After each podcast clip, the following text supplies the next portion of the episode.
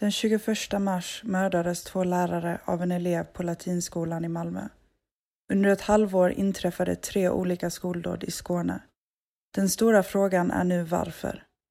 Hur och när föds ondskan hos unga förövare? Och vad kan samhället göra för att motverka och stoppa den här typen av tragedier? Det försökte jag, Riley Schultz, ung korrespondent från Malmö, reflektera och prata om tillsammans med fyra andra ungdomar.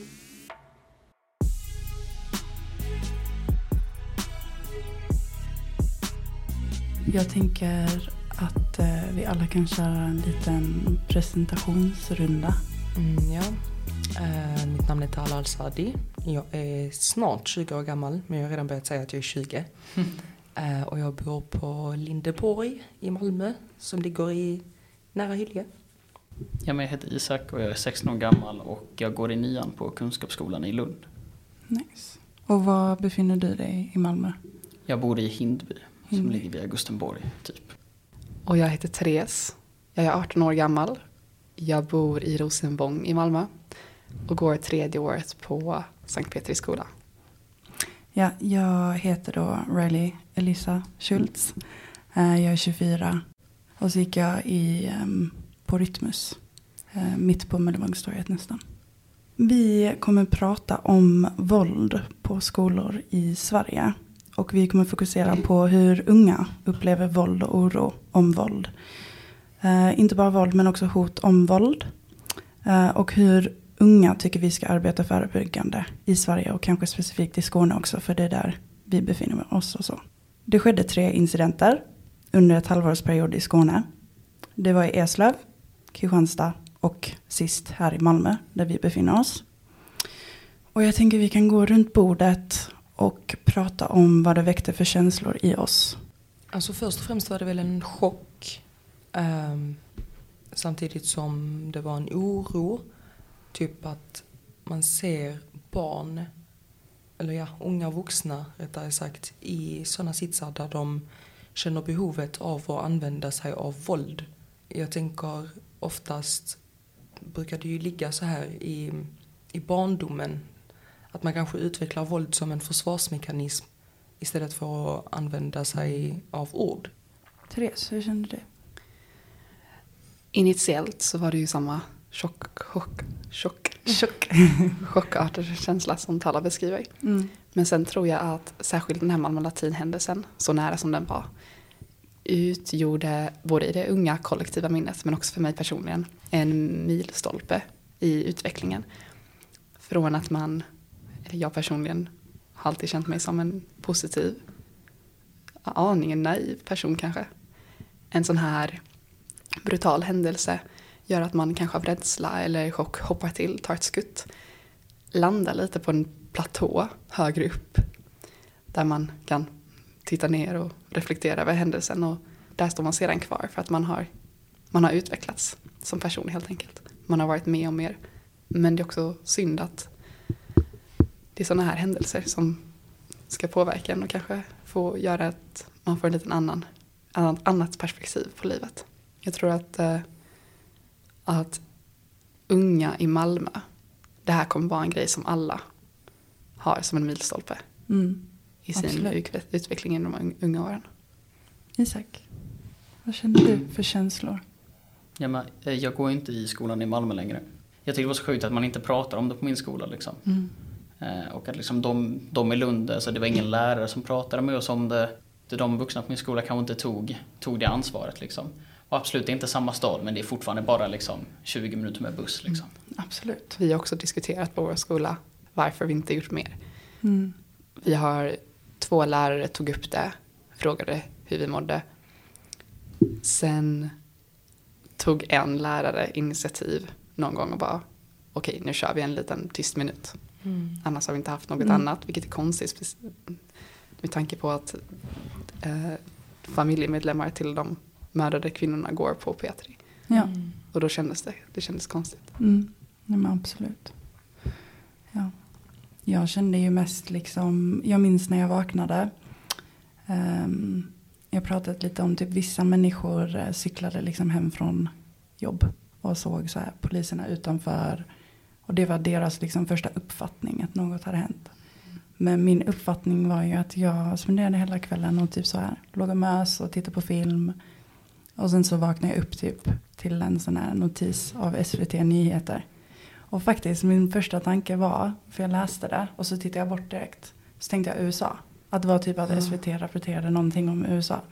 Men sen så minns jag att jag typ fick sån här, alltså glitch. Och bara tittade tillbaka. Och så såg jag att det stod Malmö. Mm. Och så blev jag helt så, jag vet inte, jag minns att jag bara satt i sängen, alltså satt upp i sängen och bara typ trodde inte på det först. Mm. Typ nej vänta vad menar de? Um, försökte typ hitta någonting som typ så, ja men det har inte hänt. Men sen så läser man ju hela artiklarna och förstår vad som hade hänt liksom.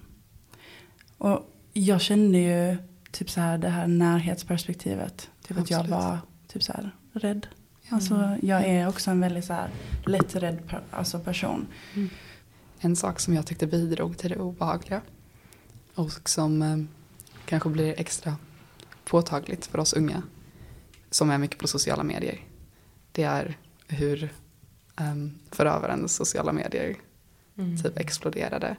Jag tror också att ju mer sån här um, ja, men sån information som folk vill åt i de här detaljerna och sådär. Mm. Det är ju väldigt både destruktivt sätt att hantera det. För att då fäster ju sig de här bilderna på näthinnan. Ehm, jag tänker på barnen då, Mm. till offren. Och bara deras medvetenhet om att deras mammas sista ögonblick i livet, liksom, vad hennes bild framför sig måste ha varit. Mm. Och den skräcken. Mm. Sådana saker fäster sig. Jag kan inte ens tänka mig hur de som går på latin hade känt liksom så här den personliga biten av hur det känns att Mm. gå i hallen. Jag har pratat med många kompisar som Mm. går på latin. Mm. Och hur de har berättat om att tillsammans med klassen så var de liksom tvungna att gå upp dit till korridoren där det hände bara för att avstigmatisera platsen. Sen har jag en kompis, hon vågade, hon vågar fortfarande inte gå där själv. Hon har gått där med en kompis fram och tillbaka, fram och tillbaka, fram och tillbaka minst 50 gånger bara för att göra det normalt igen, ta tillbaka platsen, göra det sin egen igen. Mm.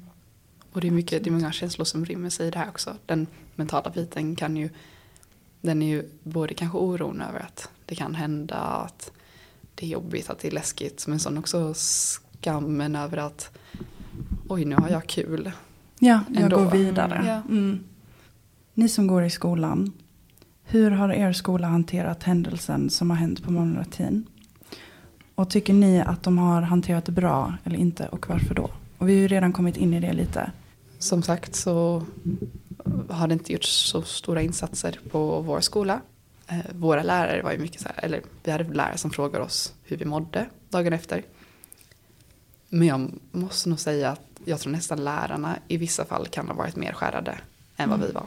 Eftersom det, det var lärare som var offren. Absolut. Och ehm, jag är oerhört imponerad av lärarna. Som många av våra lärare kände de här två yxmördade kvinnorna. Mm. Och att de fortfarande tar sig igenom dagen, arbetsdagen och Gå till jobbet. Liksom. går till jobbet, Mm. försöker ta tillbaka arbetsplatsen till den trygga plats som det ska vara. Mm. Det är jag imponerad över. Mm. På latin har jag förstått att man har gjort, alltså, lagt in jättemycket kraft och energi på Mm. att eh, behandla det här.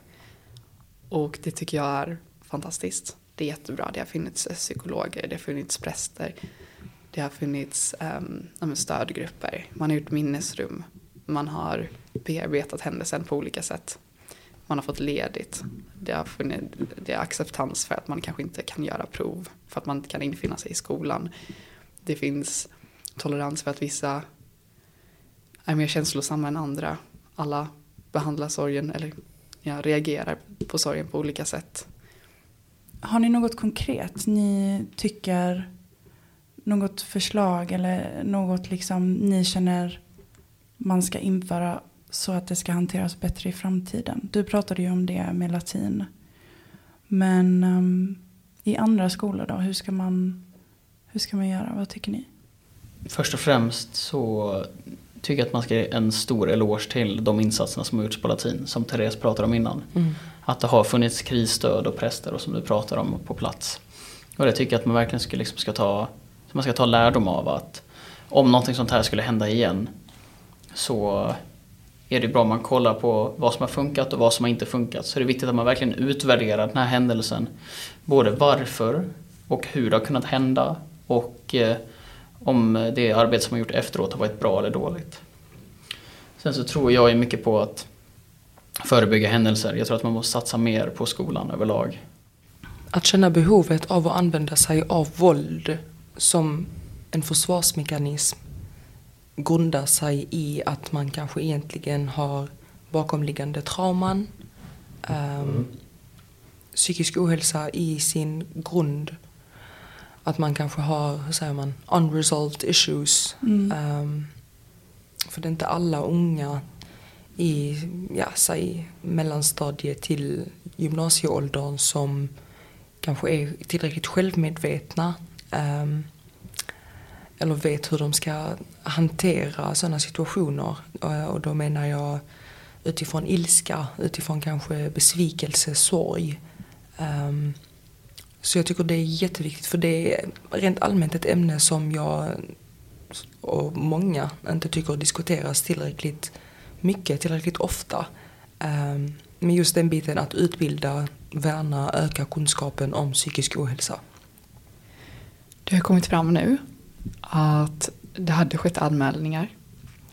Den här förövaren hade visat varningssignaler och samma dag så hade någon uppmärksammat det. Man får helt enkelt se till att sådant följs upp snabbt.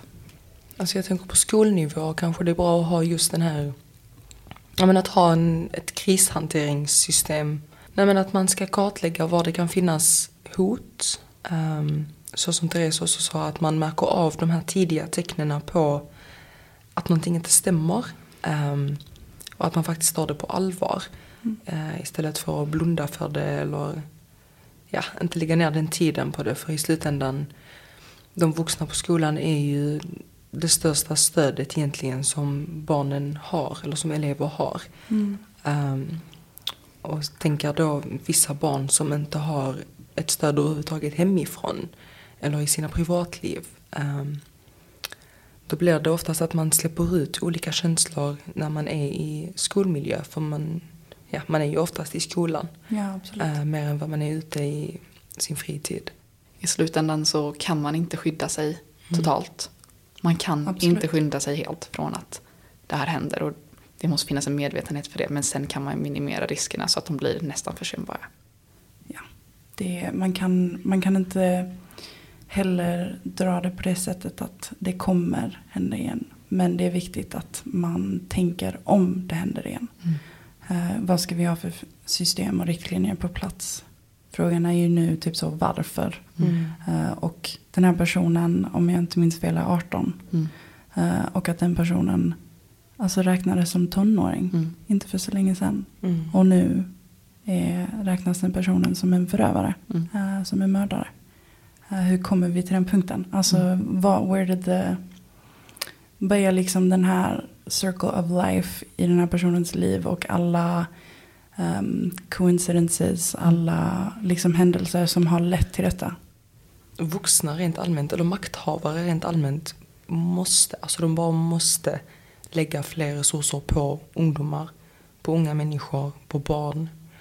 Ehm, för allting börjar ju där, lågstadiet kanske, mellanstadiet och så utvecklas man ju mer och mer genom åren. Tänk då när man inte får rätt hjälpmedel i den unga åldern att kunna utvecklas på ett, vad säger man, på ett samhällsgynnande sätt. Um, att man blir liksom den bortstötta delen av samhället. Precis som du sa att hans förövarens då, eh, Circle of Life um, hamnar i ett sånt obehagligt stadie. Mm. Um, det är orättvist för väldigt många Mm. vuxna som barn. Det sista jag vill säga är någonting som jag hörde en kompis från latin säga. Det är att vi kommer aldrig, och särskilt latin, kommer aldrig glömma det här. Men det är det som är det fina också. Jag tycker vi avslutar där. Mm. Tack så jättemycket tjejer. Tack själv. Och Isak har gått men jag tackar honom i efterhand i alla fall. Tack Mm. Isak.